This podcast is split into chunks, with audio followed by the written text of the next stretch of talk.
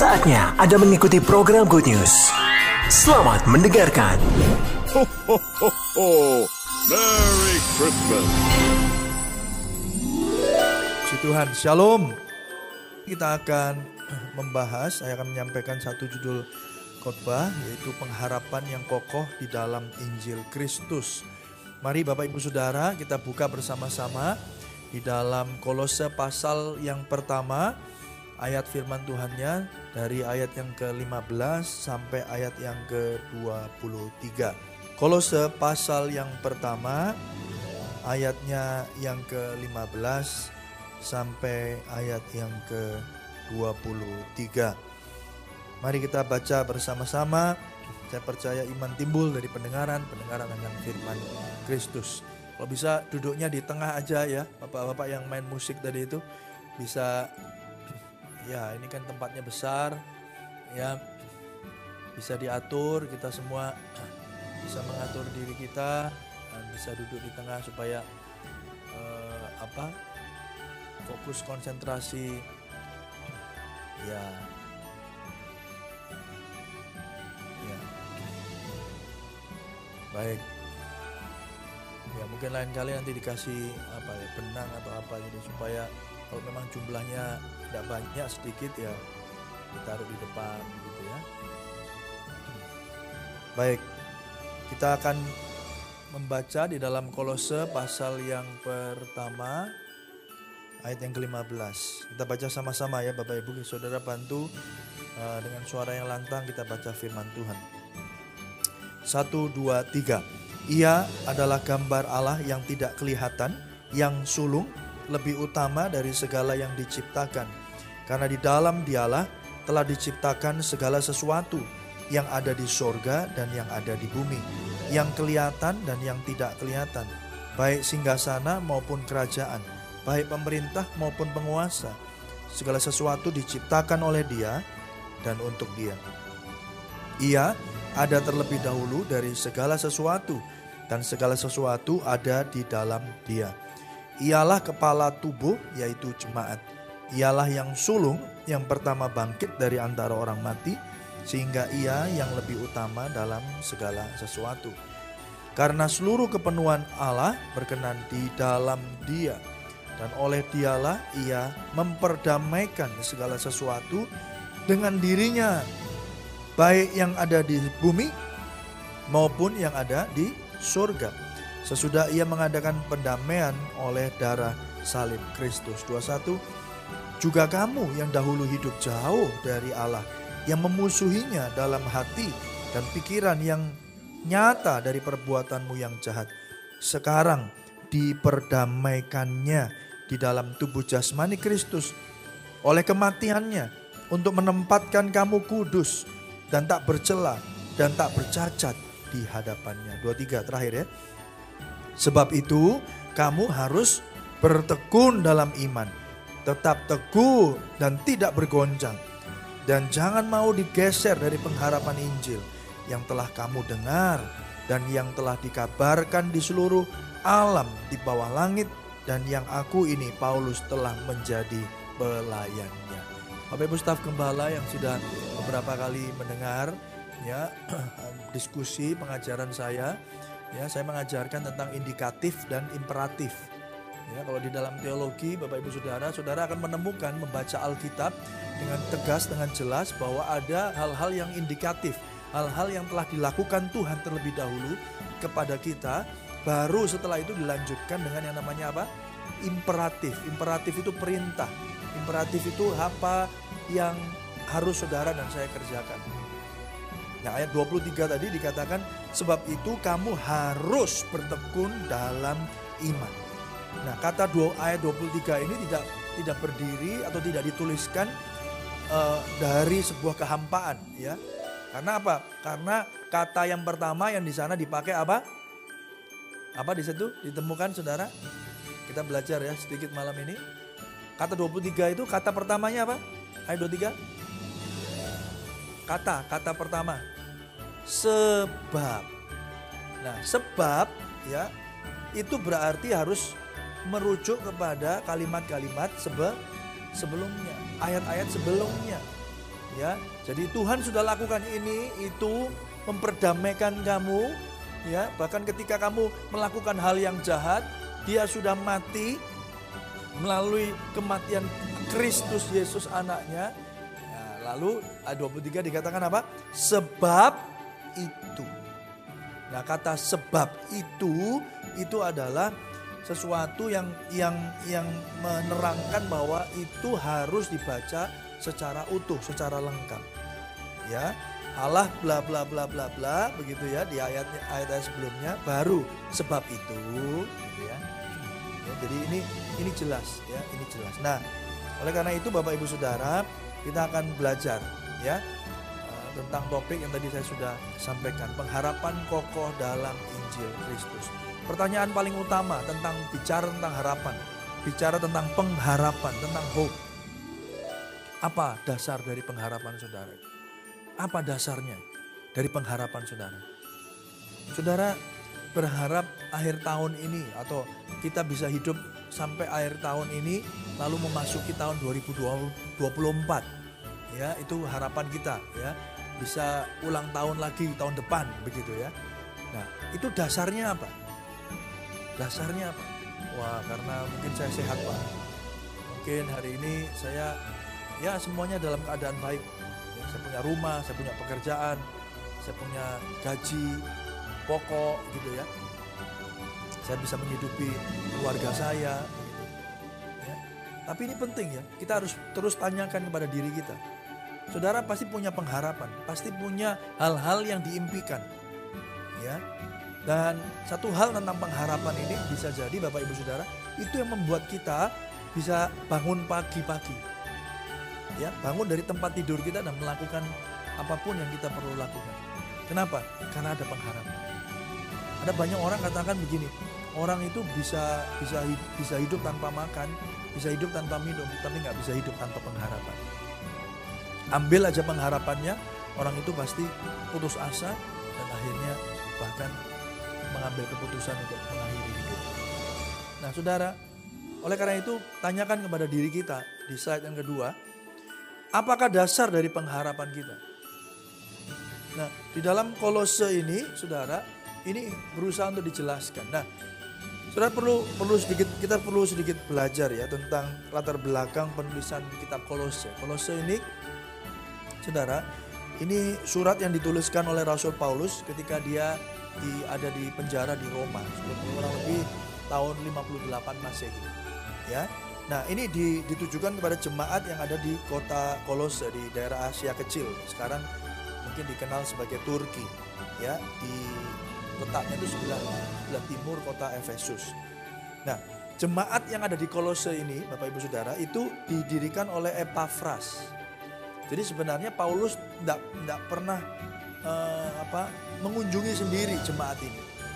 Tapi dia punya punya beban ya saudara sebagai rasul, apalagi rasul yang diminta untuk fokus kepada jemaat-jemaat non Yahudi, ya Paulus punya punya beban pelayanan, ya maka dari itu dia menuliskan menuliskan ini, ya. Nah, saudara ini ini tulisan ini di kitab Kolose ini ditujukan kepada Epafras dan jemaat di Kolose untuk apa? Untuk meluruskan, untuk mengajar, untuk mendidik jemaat di Kolose ketika itu karena mereka sedang menghadapi ajaran-ajaran sesat.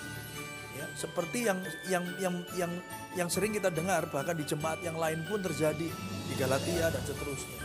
Salah satu poin yang terjadi di dalam Kolose ketika itu adalah men, men, mencampurnya ajaran-ajaran antara Kristen, Yahudi dan juga uh, penyembah-penyembah berhala, penyembah penyembah uh, dewa-dewa ketika itu. Ya ada Helenistik dan seterusnya. Ya, jadi itu campur baur gitu. Nah, pada akhirnya ada kelompok-kelompok ya yang yang akhirnya menganggap Yesus itu hanya satu tokoh agama saja. Ya, satu tokoh perantara saja dari begitu banyak tokoh.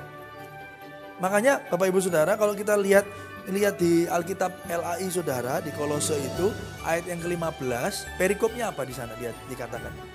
Coba bisa dilihat keutamaan Kristus. Keutamaan Kristus. Jadi Rasul Paulus akan mau menuliskan begini, bahwa Kristus ini penting loh. Karena apa? Karena ketika itu dianggap Kristus ini hanya salah satu tokoh, salah satu perantara dari banyak tokoh. Ya, lalu ada begitu banyak ajaran-ajaran sesat yang mencampurkan antara uh, Judaism ya kekristenan dan juga agama-agama penyembah-penyembah berhala ketika itu. Nah, oleh karena itu Kolose ini begitu begitu pentingnya ya uh, mengajarkan tentang keutamaan ya betapa pentingnya Kristus di dalam kehidupan orang percaya. Oleh karena itu, mari kita hari ini melihatnya dari pasal demi pasal. Nah, pasal satu dari Kolose ini berisi uh, salam tidak cuma dari Paulus tapi juga dari uh, dari Timotius, Bapak Ibu Saudara ya. Nah, dan, juga pengakuan Paulus tentang kemuliaan dan keutamaan Kristus sebagai Tuhan dan juru selamat.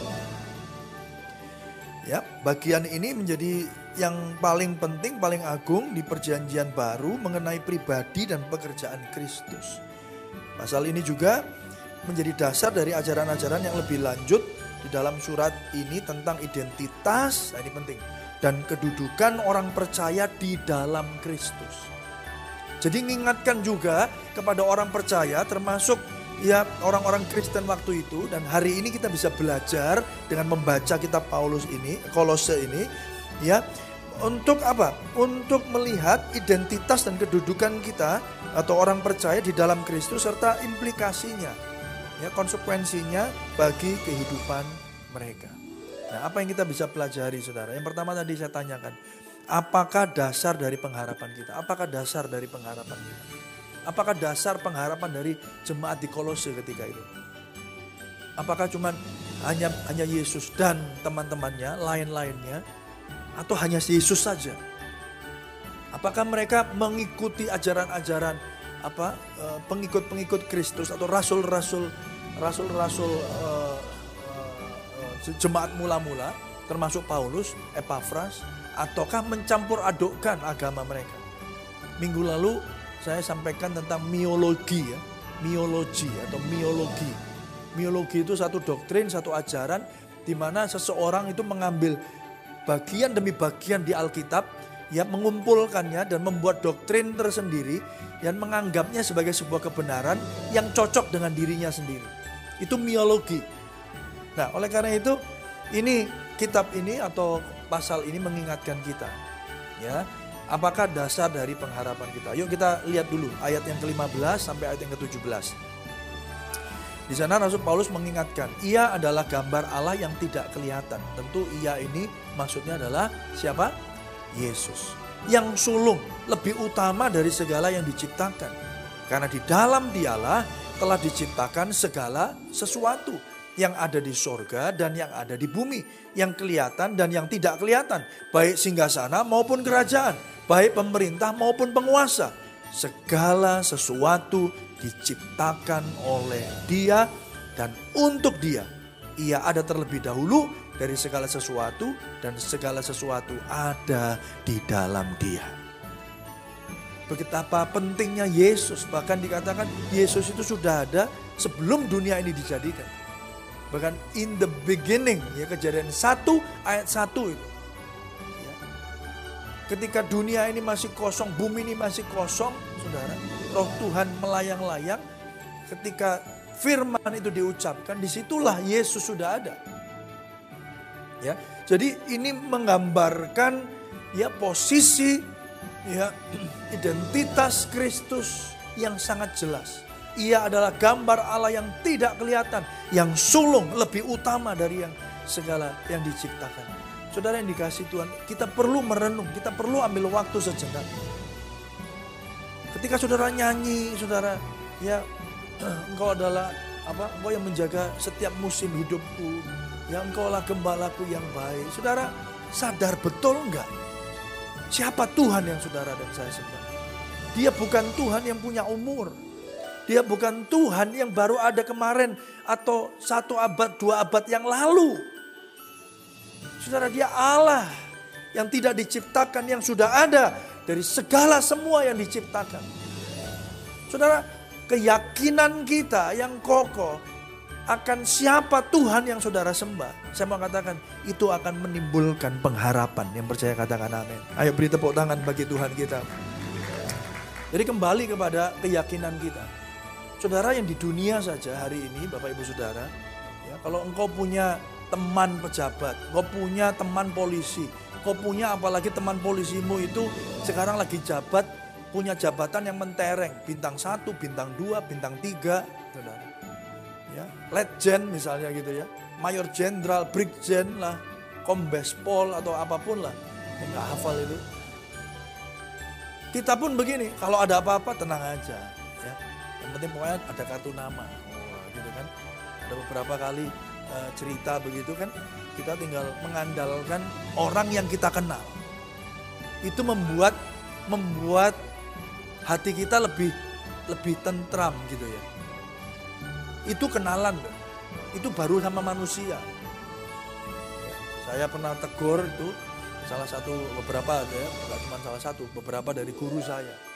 Kenapa Bapak Ibu Saudara? Karena salah satu murid kami ketika itu adalah orang tuanya itu adalah eh, kepala apa itu? Kalau di di kepolisian itu. Bukan bukan kapoldanya bukan kapolresnya tapi bagian lalu lintas. Kanit Lantas ya kalau nggak salah ya. Kanit Lantas Provinsi Jawa Timur. Jadi ya punya punya kuasa lah. Apalagi kalau sama polisi-polisi yang menertibkan lalu lintas gitu ya.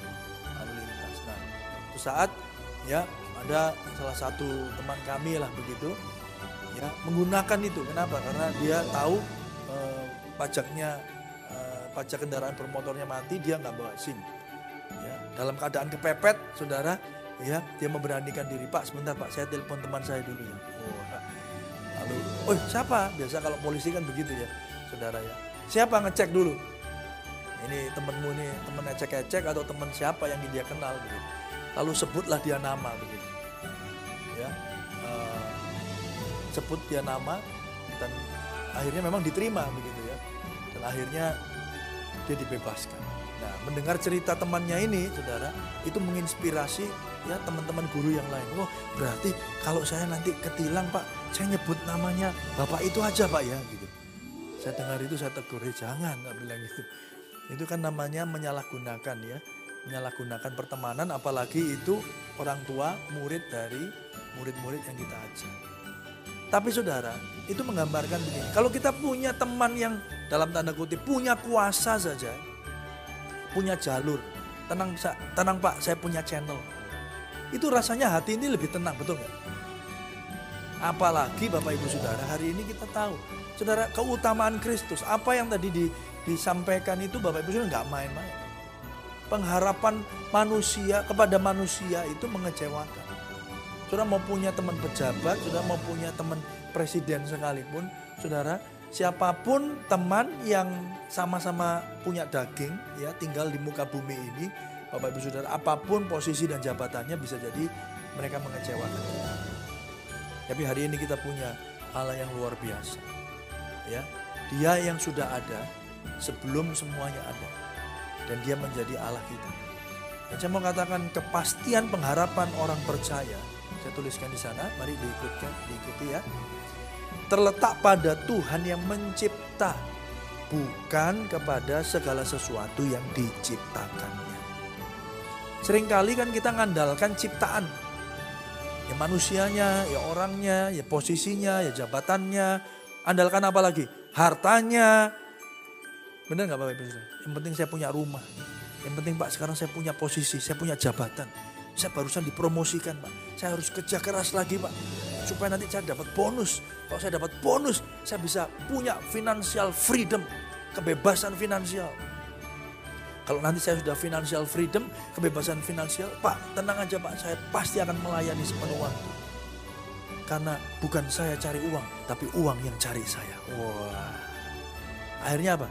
Ada sense of security, ada rasa aman Akhirnya saudara pikir bahwa wah semuanya akan baik-baik saja. Saudara yang dikasih Tuhan, pengharapan kita, kepastian pengharapan kita seharusnya terletak bukan kepada semua yang diciptakan, tetapi kepada Tuhan yang menciptakan. Yang percaya katakan amin.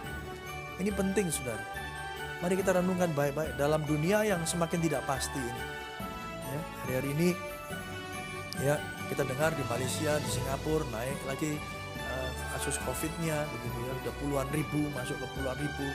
Ada beberapa kasus pneumonia, ya, termasuk kita tahu uh, kakak daripada uh, penatua gereja gereja kita ya, panggil Tuhan uh, hari ini atau besok di uh, tutup peti dan dimakamkan. Saudara yang dikasih Tuhan, kita harus menaruh pengharapan kita kepada Tuhan yang mencipta, bukan kepada ciptaannya. Saudara, Yohanes 1 ayat 3 dikatakan demikian. Segala sesuatu dijadikan oleh dia dan tanpa dia tidak ada satu pun, suatu pun yang telah jadi dari segala yang dijadikan. Saudara, ini memberi kita harusnya memberi kita sense of security, rasa aman yang yang yang yang total, rasa aman yang ampuh. Memberikan kita pengharapan yang kokoh. Saudara, C.S. Lewis pernah ngomong begini Bapak Ibu Saudara. Aku itu percaya Kristus seperti aku percaya ada matahari. Bukan karena aku dapat melihatnya, tetapi karena aku dapat melihat semuanya yang disinarinya. Saudara, saudara percaya ada matahari kan bukan karena saudara bisa lihat matahari. Maksudnya C.S. Lewis begitu. Tapi apa? Karena apa? Karena ada aku bisa melihat semuanya bisa terang begini itu karena ada mata matahari. Ada matahari yang menyinarinya. Saudara nggak perlu lihat ada matahari, buktikan bahwa matahari itu ada. Tapi kenyataan bahwa kalau saudara bangun pagi itu terang, tidak gelap, Berarti kan ada sesuatu yang menyinarinya kan, betul kan? Itulah iman saudara di dalam Tuhan. Saudara sering kali kita nggak nggak bisa lihat Yesus, Yesus tidak lagi berjalan di atas muka bumi ini. Tapi firman Tuhan katakan aku akan menyertai engkau sampai pada kesudahannya. Yang percaya katakan amin. Dia Allah yang Immanuel. Dia memberikan roh kudusnya kepada setiap saudara. Dan roh kudus itu tinggal di dalam kita. Amin Bapak Ibu Saudara. Itu poin yang pertama. Yang kedua mari kita lihat di ayat yang ke-20 sampai 22. Di sana dikatakan demikian. Dan oleh dialah ia memperdamaikan segala sesuatu dengan dirinya. Baik yang ada di bumi maupun yang ada di sorga. Sesudah ia mengadakan pendamaian oleh darah salib Kristus.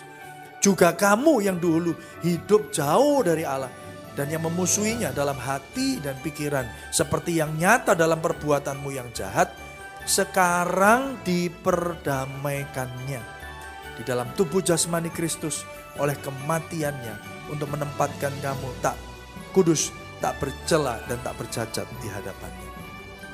Saudara, tahukah kita Bapak Ibu Saudara bahwa pengharapan kita itu bisa kokoh karena didasarkan oleh satu karya salib Kristus yang mendamaikan saudara dengan pengharapanmu tidak sia-sia. Kalau sampai Yesus itu turun ke dunia, mati di atas kayu salib. Hanya untuk menjadi perantara bagi manusia yang berdosa. Yang dulu jauh, sekarang menjadi dekat.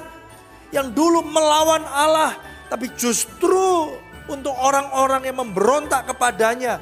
Yesus datang dan bahkan mati untuk untuk saudara dan saya. Bukankah itu harusnya memberi pengharapan yang kokoh bagi setiap kita yang percaya katakan amin. Tidak ada seharusnya permasalahan yang ada di muka bumi ini yang bisa menggetarkan kita, yang bisa menggoncangkan kita. Karena kita tahu bahwa kalau Yesus saja datang mati untuk menyerahkan nyawanya. Kita percaya hari ini pun untuk permasalahan Bapak Ibu Saudara. Yesus memberi kekuatan untuk kita dapat melaluinya. Ayo beri tepuk tangan yang meriah bagi Tuhan kita. Haleluya. Nah Bapak Ibu Saudara yang dikasih Tuhan. Double A.W. Tozer ngomong begini. Pengharapan orang Kristen itu kokoh. Karena didasarkan kepada pribadi Allah. Dan karya penebusan Kristus. Makanya Bapak Ibu Saudara sentralitas keutamaan Kristus dan karya keselamatannya itu nggak bisa dilepaskan dari perjalanan setiap orang percaya. Setiap kali saudara harus mengingat korban Yesus Kristus di atas kayu salib. Injil itu harus menjadi cara pandang saudara. Injil itu harus menjadi motivasi saudara hidup. Kalau enggak Bapak Ibu Saudara motivasimu pasti transaksional.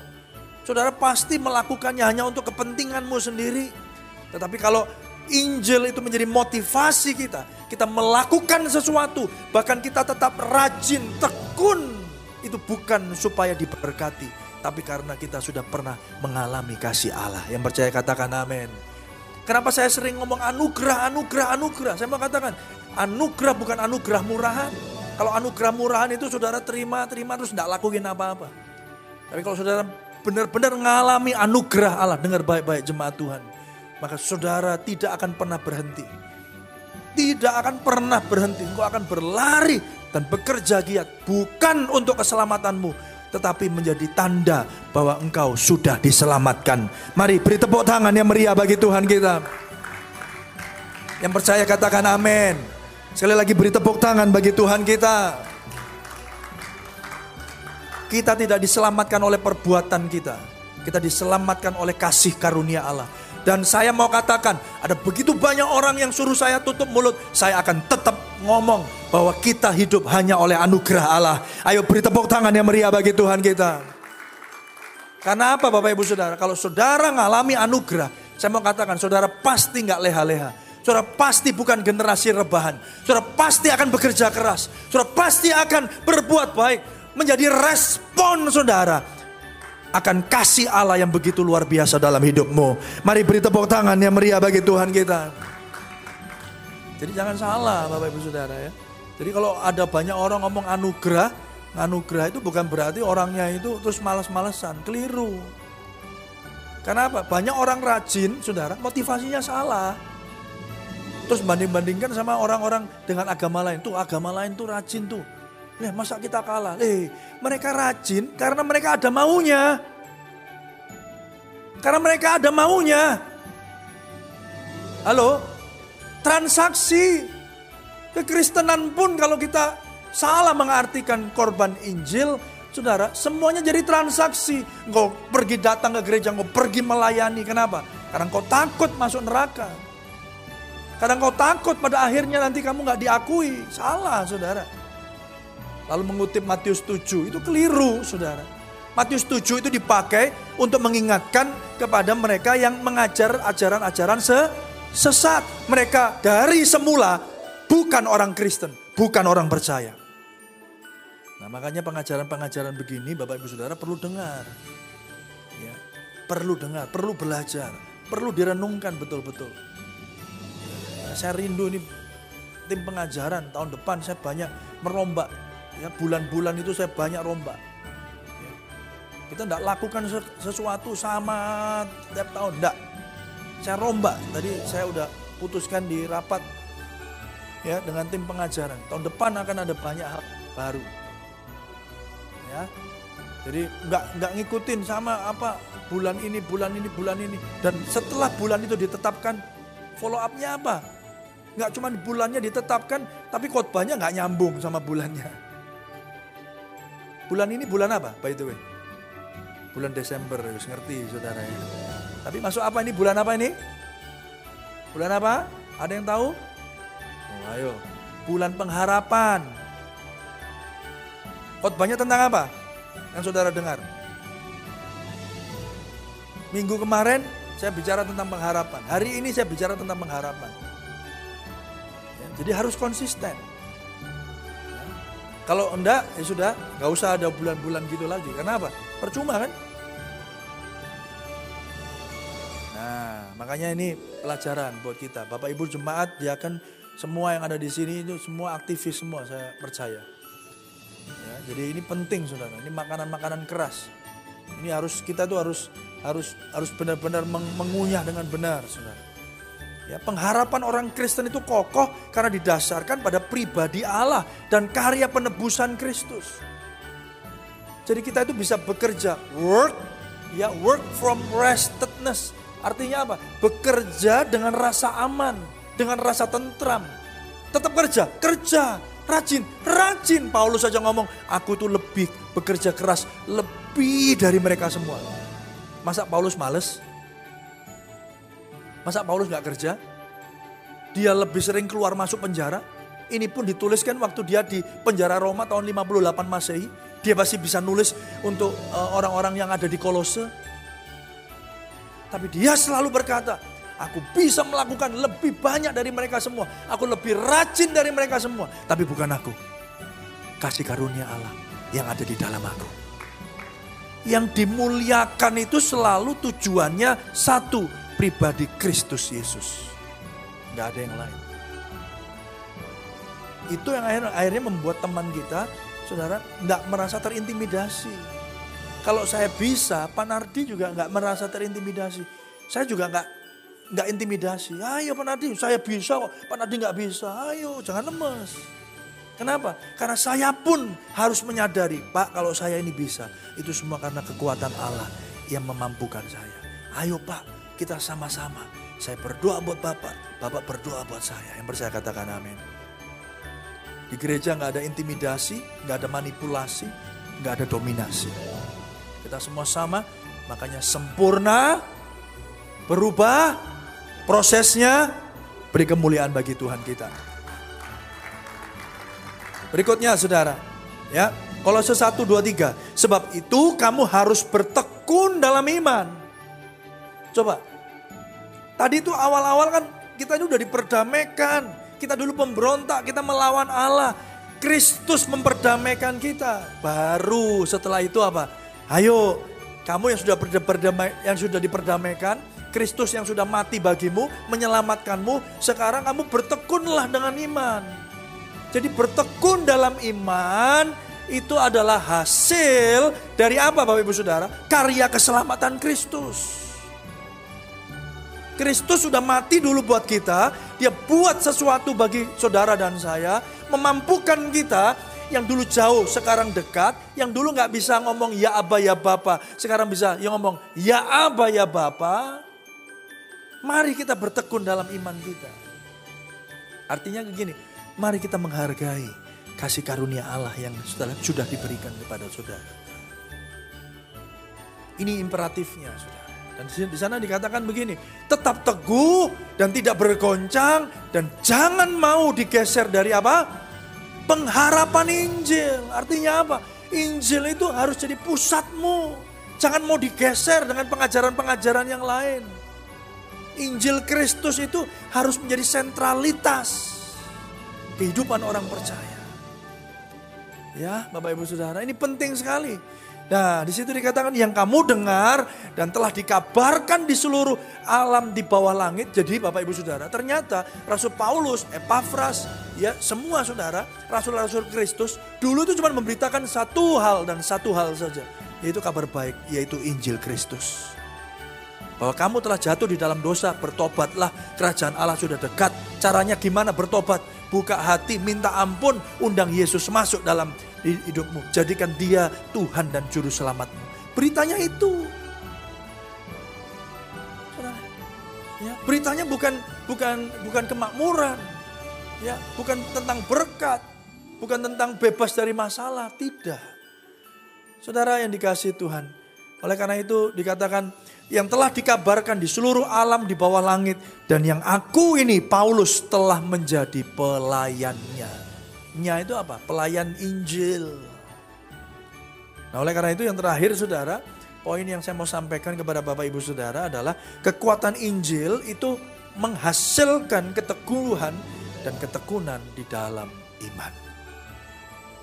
Jadi saudara kalau sekarang lemes, kalau sekarang mungkin merasa saudara teguh, enggak teguh, mungkin sekarang sekarang imanmu sedang goncang, datang kembali kepada Injil. Ingatkan dirimu kembali Aku ada sebagaimana aku ada hari ini sebagai orang Kristen itu karena Kristus mati di atas kayu salib. Di situlah kekuatan Tuhan dinyatakan kembali. Di situlah saudara menjadi semangat kembali. Kenapa? Karena kekuatan Injil menghasilkan apa? Keteguhan dan ketekunan di dalam apa? Iman. Yang percaya katakan amin. Ya. Jadi kekuatan Injil menghasilkan keteguhan dan ketekunan dalam iman. Dengan kata lain Bapak Ibu Saudara, kalau saudara hari ini ditemukan tekun, kalau saudara hari ini ditemukan teguh imannya, Bapak Ibu Saudara, Artinya apa? Artinya Yesus hidup dan bertumbuh di dalam saudara. Yang percaya katakan amin. Makanya Yohanes ngomong gini, biarlah Yesus semakin besar, aku semakin kecil. Tandanya apa Yesus semakin besar? Apa ono ukurannya begitu, kayak air raksa gitu. Ya, ini Yesus, ini ini Agung gitu ya. Ini Erlangga segini, lama-lama Agung gini. Apa ada ukurannya begitu?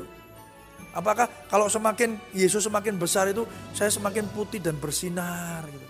Wah, Bapak semakin glowing. Glowing sekarang bisa pakai skincare. Apa ukurannya begitu? Tidak, ukurannya apa? Yesus semakin besar, saya semakin kecil. Kedagingan saya semakin nggak ada. Saya tidak lagi memikirkan kepentingan diri sendiri, tapi kepentingan Kristus itu digenapi dalam hidup saya. Caranya gimana ngelihat Yesus semakin besar, saya semakin kecil. Karakter Kristus semakin dipunyai. Oleh karena itu Bapak Ibu Saudara, kalau saudara hari ini bisa teguh imannya, bisa tekun yang mengikut Yesus. Bahkan saudara bisa lihat ada orang-orang yang mungkin mengalami kesulitan, mungkin mengalami penderitaan, mungkin mengalami aniaya, tapi hidupnya tetap setia. Sekali Yesus tetap Yesus. Itu menunjukkan satu hal, bahwa Yesus sungguh-sungguh hidup di dalam dia dan sedang bertumbuh semakin semakin dewasa menuju kepada keserupaan Kristus. Yang percaya katakan amin. Dan itu harus menjadi kerinduan saudara dan saya. Makanya hari ini ukurannya saya selalu berkata, orang Kristen lahir baru ukurannya satu pertama. Apa? Hidupnya berubah. Sempurna? Belum. Yang penting berubah dulu. Yang percaya katakan amin. Berubahnya pasti. Kenapa? Karena yang mengubah Bapak Ibu Saudara itu kuasa roh kudus yang bekerja di dalam kita.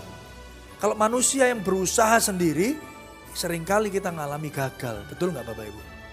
Halo? Kalau kita berhasil, kita harus begini, mendeklarasikan. Itu karena Tuhan bekerja di dalam saya. Saya berharap ini jadi satu hal yang bisa menjelaskan Bapak Ibu Saudara tentang pengharapan yang teguh. Kalau sesuatu ayat 6 dikatakan demikian, Injil itu berbuah dan berkembang di seluruh dunia. Demikian juga di antara kamu sejak waktu kamu mendengarnya dan mengenal kasih karunia Allah dengan sebenarnya. Injil itu berbuah. Yang setuju katakan, Injil itu berbuah Pak. Injil itu berkembang di seluruh dunia. Artinya apa? Nyebar. Dari mulut ke mulut, dari kehidupan kepada kehidupan yang lain. Dan tidak cuma itu, di sana dikatakan berbuah. Artinya berbuah itu orang Kristen itu nggak pasti, pasti hidupnya nggak akan sama. Hari ini gagal, pasti besok lebih baik. Besok lebih baik lagi. Besoknya lebih baik lagi. Besoknya lebih baik lagi. Berubah. Nah kalau kita jadi orang Kristen dari dulu sekarang selama-lamanya pancet. Pelayanan tetap. Yang dipertanyakan begini, yang dipertanyakan gini. Sungguhkah Yesus sudah lahir kembali dalam hidupmu? Sungguhkah Yesus itu sudah menjadi Tuhan dan Juru Selamatmu? Sudahkah kita sungguh-sungguh dilahirkan kembali? Kalau ngomong Kristen, Pak saya Kristen, dibaptis, bisa siapa aja.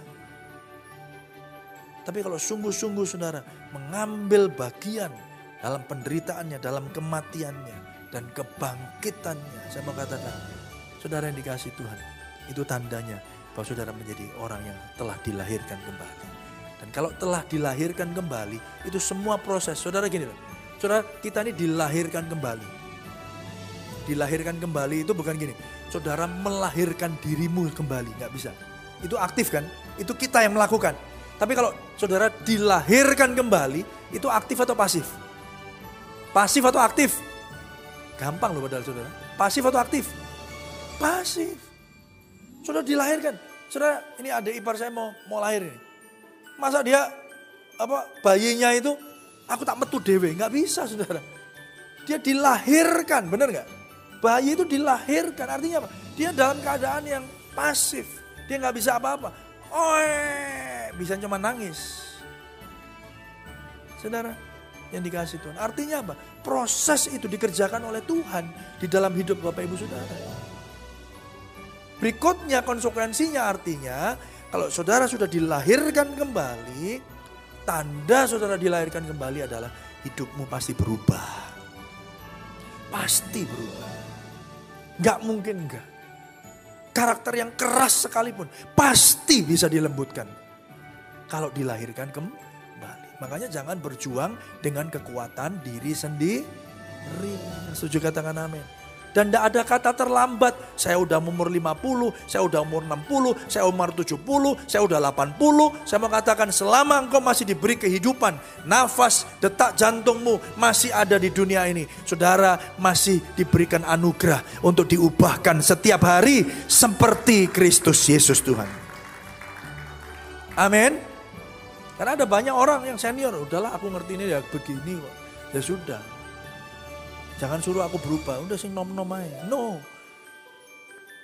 Setiap detik nafas hidupmu itu kesempatan. Berarti ada anugerah. Ada orang ngomong begini, kalau Tuhan itu baik, kenapa kok ada kejahatan di muka bumi? Pertanyaannya keliru sudah. Pertanyaannya salah. Loh, kalau Tuhan baik, kok ibu saya sakit tidak disembuhkan? Pertanyaannya keliru. Kalau Tuhan benar-benar baik dan Tuhan benar-benar adil, harusnya saudara dan saya sudah tidak ada dari dulu. Kita masih dibiarkan hidup. Kita ini berdosa, memberontak kepada Allah, dibiarkan hidup. Itu menunjukkan bahwa Tuhan penuh dengan anugerah yang percaya katakan amin. Saudara lihat ada orang jahat masih tetap bisa hidup sampai sekarang. Itu karena Tuhan beranugerah. Ya, jadi pertanyaannya kadang orang Kristen salah dalam bertanya. Ya. Oleh karena itu Injil itu berbuah dan berkembang di seluruh dunia. Demikian juga di antara kamu sejak kamu mendengarnya dan mengenal kasih karunia Allah dengan sebenarnya. Mari kita tinggal di dalam Injil, berpusat ya kepada Injil Kristus. Saya mau katakan hidupmu pasti berubah, hidupmu masih berbuah, hidupmu masih berkembang, bertumbuh ke arah Kristus Yesus Tuhan. Yang terakhir saudara, Injil Kristus harus terus diberitakan sebagai pengharapan yang pasti di dunia yang fana ini. Injil harus terus diberitakan. Saudara mau lihat kursi-kursi ini penuh dengan manusia, dengan jiwa-jiwa baru. Harus beritakan Injil. Caranya gimana? Hidupi Injil dalam hidupmu. Kehidupan kehidupan kita di dalam Injil akan bersuara lebih keras daripada suara kita sendiri. Yang setuju katakan amin. Kalau saudara menghidupi Injil, terus engkau diubahkan senantiasa. Perubahan kehidupanmu oleh Injil itu bersuara lebih lantang daripada saudara, saudara berdiri di pasar terus ngomong, "Be, bertobat Pak Sayur, bertobat jual Walter, ya wortel, bertobat jual ini, Saudara." Saudara nginjil ke mana-mana, ngomong sampai muruh, Saudara. Perubahan kehidupan saudara, teladan kehidupan saudara yang terus menerus diubahkan oleh Injil itu bersuara lebih lantang yang percaya katakan amin. Bagaimana cara saudara yang mem memperlakukan orang lain, saudara? Itu bicara tentang Injil. Saudara, oleh karena itu terakhir saya mau kutip apa yang pernah dikatakan oleh tim tim Keller dikatakan begini saudara pemerhati keindahan yaitu observer of beauty pemerhati keindahan selalu menerima kegairahan untuk membagikan keindahan itu dengan orang lain. Ini mau musimnya liburan. Kalau saudara lihat TikTok, saudara lihat Instagram, saudara, emang boleh seindah ini? Saya menemukan hidden gem. Wah, ini gak usah jauh-jauh di, di Paris, gak usah jauh-jauh ke Italia. Ternyata di Tumpang Malang kita bisa menemukan keindahan yang seperti ini. Kan gitu di TikTok itu kan ya. ya ini, ini ngomong di TikTok itu loh. Kok diaminkan. di TikTok itu gitu saudara. Artinya apa? Oh sekarang kalau yang yang indah-indah gitu direkam, direkam. Ya semua saudara ya kalau lihat konser dulu, oh saya dulu masih ingat lihat konser itu uh, apa namanya? Kita tuh lihat konser gitu tepuk tangan, ikut nyanyi gitu. Sekarang kalau lihat konser penyanyinya keluar, apa yang yang pertama-tama keluar sudah? Handphone. Handphonenya semua rekam. Gitu. Toh sampai rumah ya nggak nggak sempat dilihat lagi saudara. Tapi yang penting rekam. Nggak bisa menikmati enjoy the moment. Saudara sama kayak healing. Kalau ang- yang perlu healing, wah ini dilapori. Tapi itu jiwa, sebenarnya sifat dasar manusia. Ya terlepas mau pamer dan seterusnya, saudara ya. Itu sering kali begitu kan. Ada lihat yang bagus, cekrek. Saya kemarin ke mana? Yang sama Pak Nardi, Pak Adam ke Sarangan, ke Tawangmangu udah lama. Weh, ada bagus-bagus. Saya foto cepret gitu. Lalu keindahan itu, ya saya nggak posting, nggak semua saya posting di Instagram, tapi saya sharekan ke keluarga saya, ke ke, ke istri saya, ke anak-anak saya. Ini loh bagus. Kapan-kapan kalau liburan ke sini, bener nggak? Seringkali kalau saudara lihat dan mengalami keindahan, saudara pengen cerita sama orang-orang yang ada di sekitar saudara. Bener nggak Bapak Ibu Saudara? Hari ini, kau menemukan nggak keindahan di dalam Injil? Kau menemukan nggak keindahan di dalam Yesus? Sudahkah kita pernah berbagi keindahan itu kepada orang-orang yang lain? Dulu saya kenal, dulu saya gini, dengar dengar eh, kaum apa eh, ketua pemuda saya dulu ya atau pendeta-pendeta zaman saya remaja gitu. Kalian harus nginjil. Harus ini orang Kristen harus beritakan firman, harus nginjil. Itu jadi kayak beban gitu. Saya ngomong takut, takut. Tapi kalau saudara lihat ini kutipannya Timothy Keller. Kalau saudara ngelihat keindahan, pemerhati keindahan, senangannya pasti akan membagikan keindahan yang sama kepada orang lain. Supaya keindahan yang sama yang bisa dinikmati, itu bisa dinikmati pula untuk orang-orang yang belum pernah menikmatinya. Setuju katakan amin. Itu caranya. Jadi menginjil itu begitu. Apa yang kau alami, yang indah, yang baik dari Tuhan, dari Kristus, sudah bagikan kepada orang lain. Dan kalau ini terjadi, tadi Kolose 1 ayat 6, Injil itu berkembang dan bertumbuh ke mana-mana. Saudara yang dikasih Tuhan, itulah yang terjadi di kisah para rasul. Bahkan sampai hari ini, kalau saudara bisa lihat sejarah Injil masuk ke Papua, Injil masuk ke Nomen, lewat Nomensen, saudara, di Sumatera. Injil bisa masuk ke Indonesia. Saudara. Ada orang-orang yang hatinya diubahkan oleh Injil. Penuh dengan sukacita.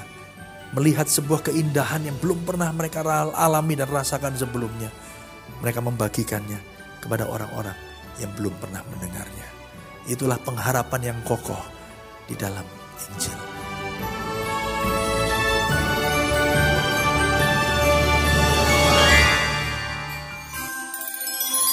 Terima kasih untuk Anda yang sudah mendengarkan program Good News yang dipersembahkan oleh Radio Sejahtera.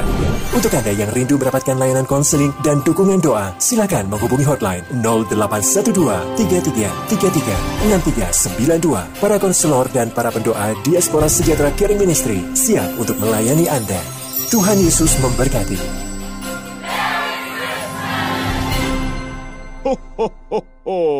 Merry Christmas!